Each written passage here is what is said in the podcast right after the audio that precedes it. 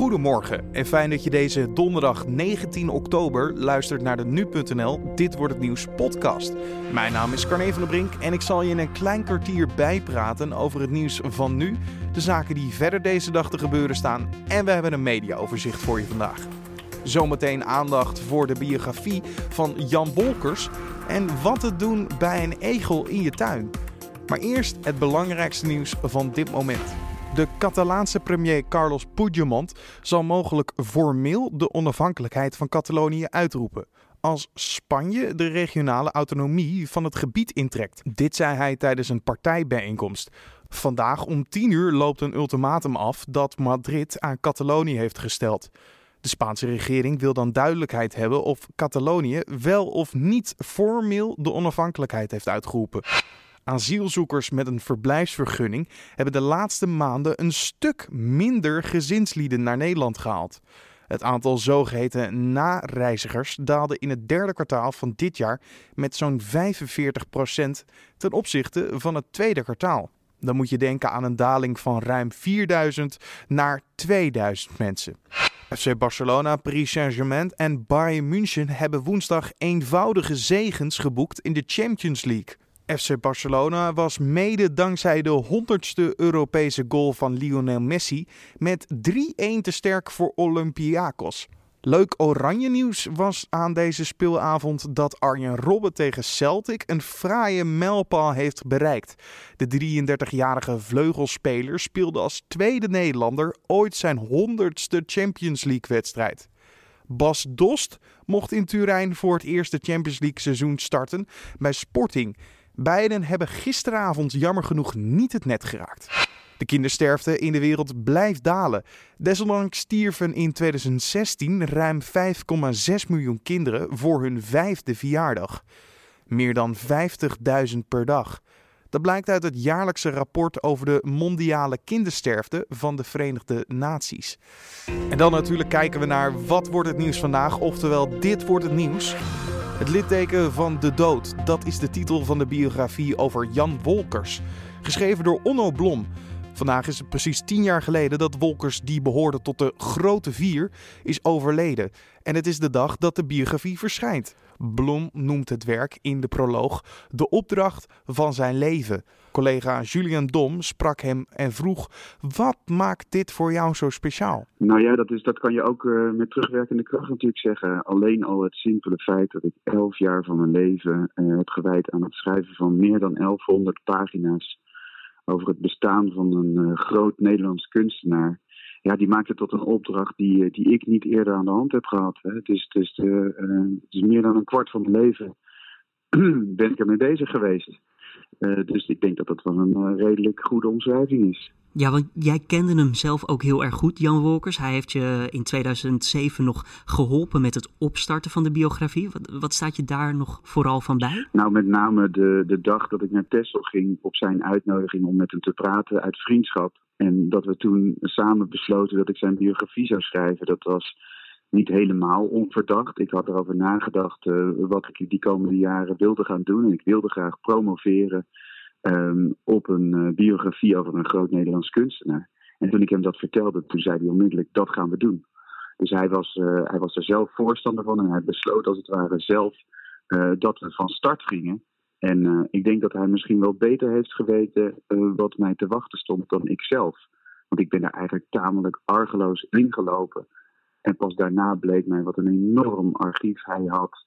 En wat voor een aandacht alles wat met Wolkers uh, te maken heeft er altijd is. En mijn, mijn leven is ongelooflijk een storm geweest vanaf dat moment. Ja, want je zegt het zelf, van jij wilde een kunstenaar, een biografie maken voor een kunstenaar. Had je dan ook al per se Jan Wolkers in gedachten? Nou, niet per se. Ik had eerder boeken geschreven over Gerrit Komrij en ook over Harry Moelis. En ook met Moelis heb ik wel eens gesproken in die tijd uh, over het idee en wat hij daarvan zou vinden. Ik werkte een tijdje bij de Bezige Bij en daar vroeg men zich toen ook in huis af welke van onze grote schrijvers heeft nou eigenlijk nog een biografie nodig. Dus het heeft wel, wel degelijk uh, door mijn hoofd gespookt. En het was ook wel zo dat ik dacht, goh, Wolkers zou geweldig zijn, want ik kon om te beginnen heel goed met hem vinden. Ik vond hem een geweldige, intelligente en humoristische man met een prachtig oeuvre, geweldig. ook dat hij een dubbel talent is, dat sprak mij heel erg aan. En bovendien is het terrein van zijn jeugd ook het terrein van mijn jeugd. Ehm, ik woon in Leiden, vlakbij Oestgeest. We hebben samen hier door de stad gelopen. En ik dacht, ja, dat, zou eigenlijk fantastisch zijn. Dus ik was, ik was daar heel erg voor te vinden voor dat idee. Maar ik wist niet wat hij ervan zou vinden. En hij vond het zelfs zo uh, mooi dat hij meteen zei: dat gaan we doen. Ja, en toen gaf hij ook meteen uh, toegang tot alles wat hij had, hè? Dat is ongelooflijk. En achteraf beschouw ik dat ook als een daad van moed. Um, hij, op zijn initiatief uh, hebben we een overeenkomst opgesteld die eruit bestond dat ik in zijn archief mocht kijken. En dat is dus heel groot. Er zijn twee kamers vol waardevol uit papier, zou je kunnen zeggen. En dan ook nog alle schetsen en zijn atelierwerk. Mm -hmm. En um, hij zei: je mag, je mag erin. En we spraken ook af dat hij niet uh, uh, vooraf hoefde te lezen wat ik daarvan maakte. Dus ik mocht citeren, maar ik hoefde het niet voor te leggen. Ja, maar, maar ondanks die carte blanche voor de inhoud, kan ik me voorstellen dat je wel afwegingen moet maken van wat je wel en niet publiceert. Om een uh, ja, rode lijn te behouden in die biografie. Nou, eigenlijk viel dat mee, want ook die, ehm, die rode draad die ik heb gevolgd, die viel me eigenlijk eh, in datzelfde gesprek ook al eh, toe. Wolkers zei tegen mij: Niemand is dichter bij de waarheid gebleven dan ik. Mijn leven en werk zijn één. En dat vond ik zo'n uh, sterke uitspraak. En tegelijk dacht ik: Ja, klopt dat nou eigenlijk wel? Dat is bijna uh, van mythische proporties. Iemand die samenvalt met wat hij maakt. En, en gedurende de tien jaar die ik aan het boek heb gewerkt, heb ik moeten vaststellen dat hij ja, echt daarin behoorlijk gelijk heeft gehad. Bijna alles wat van belang is in het literaire werk. En zelfs ook bij de schilderijen die allemaal een persoonlijk verhaal hebben, kan je vaststellen dat Wolkers uh, zijn werk heeft gebouwd op de meest intieme en persoonlijke elementen uit zijn eigen leven. Als je het zo hoort, het is niet gek dat je er uh, ruim tien jaar, bij, bij zo'n zo'n elf jaar over hebt gedaan eigenlijk. Nee, ik, ik, dat is goed dat je dat zegt. De meeste mensen zeggen tegen mij, wat belachelijk hè, tien jaar lang en zo dik. Ik zou het eigenlijk willen omdraaien. Ik heb de klus ontzettend snel geklaard en het boek is te doen. Het litteken van de dood is vanaf vandaag te koop en je hoorde Julien Dom in gesprek met Onno Blom. De NS heeft 118 nieuwe sprinters besteld. Goed voor zo'n 20.000 zitplaatsen. En vandaag is een belangrijke mijlpaal voor de vervoerder. Want de eerste exemplaren zijn in Nederland om in uitvoering getest te worden. De nieuwe sprinters zijn voorzien van onder andere brede gangpaden en zoveel mogelijk doorkijk door de trein. Verder krijgt het gevaarte een ruim toilet. En voor de gebruikers van laptops of smartphones geen onnodige extra stopcontacten en een USB-aansluiting. Vanaf 2018 moeten de sprinters op het spoor ook daadwerkelijk worden ingezet om passagiers te vervoeren. Michael P., die verdacht wordt van betrokkenheid bij de vermissing en dood van de Utrechtse Anna, wordt vandaag voorgeleid bij de rechtbank in Utrecht. Het Openbaar Ministerie zal de rechtbank vragen om het voorarrest van P. met een maximum van 90 dagen te verlengen. De rechter-commissaris beslist daar vanmiddag over. Het lichaam van de 25-jarige Anne werd vorige week in het natuurgebied in Zeewolde gevonden. Nadat P. de politie had verteld waar te zoeken. Vandaag op nu.nl houden we je uiteraard op de hoogte over de voortgang van deze zaak. Vanavond spelen de Oranje Vrouwen een oefeninterland in en tegen Oostenrijk.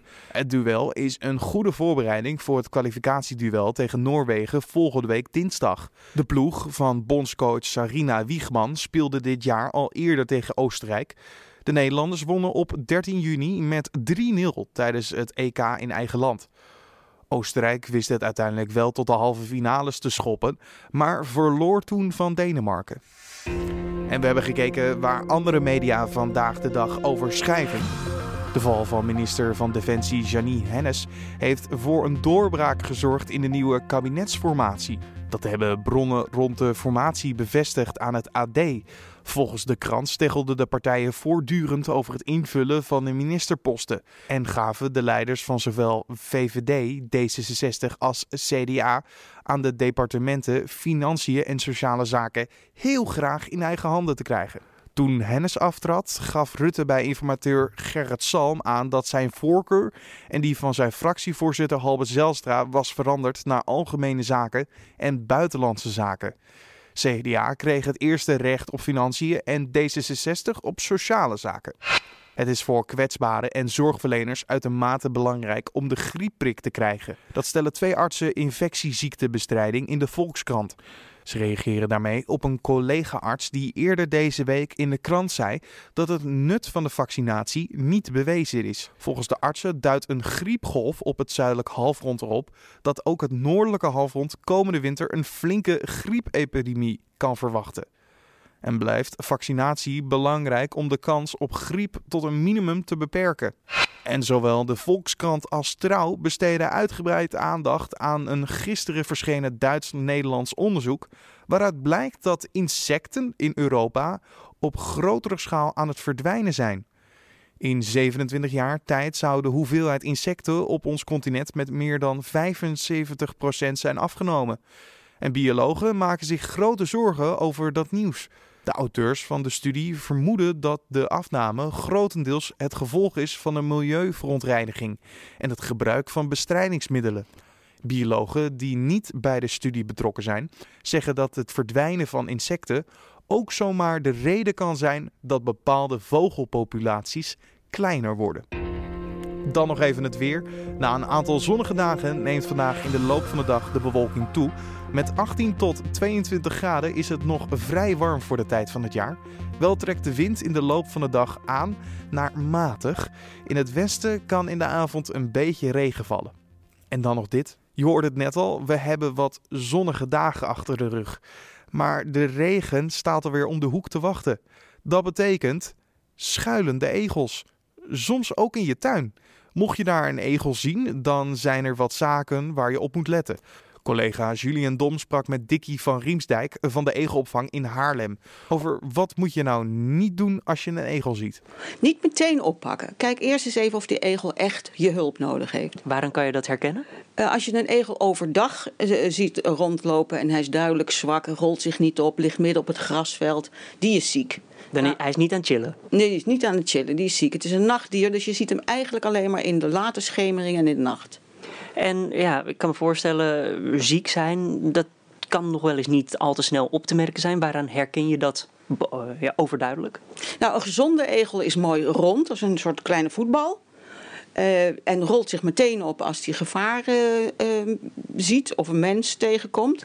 Dat is gezond gedrag. Als een egel zich niet oprolt en hij ligt slap op een grasveld, ja, dan kan je je voorstellen, die is gewoon heel erg ziek. Als ze, als ze bijvoorbeeld heel erg zwak zijn, dan, dan komen de vliegen en leggen daar vliegeneitjes op. Vliegen die eieren leggen op een egel? Ja, die eieren worden maden namelijk. En maden zijn vleeseters, dus die eten dan die egel levend op. Wanneer moeten we een egel echt met rust laten? Wanneer zie je nou dat hij eigenlijk gezond is? Want je hebt het net al over een, hij kan zich oprollen, maar er zijn ongetwijfeld wel meer punten. Ja, als je s'avonds uh, en s'nachts een egel door je tuin ziet scharrelen en hij loopt vief in de rond en hij is mooi rond en mooi bestekeld, Laat hem alsjeblieft met rust. Dat is gewoon een heel gezonde egel die toevallig jouw achtertuin als, uh, als jachtgebied heeft gebruikt.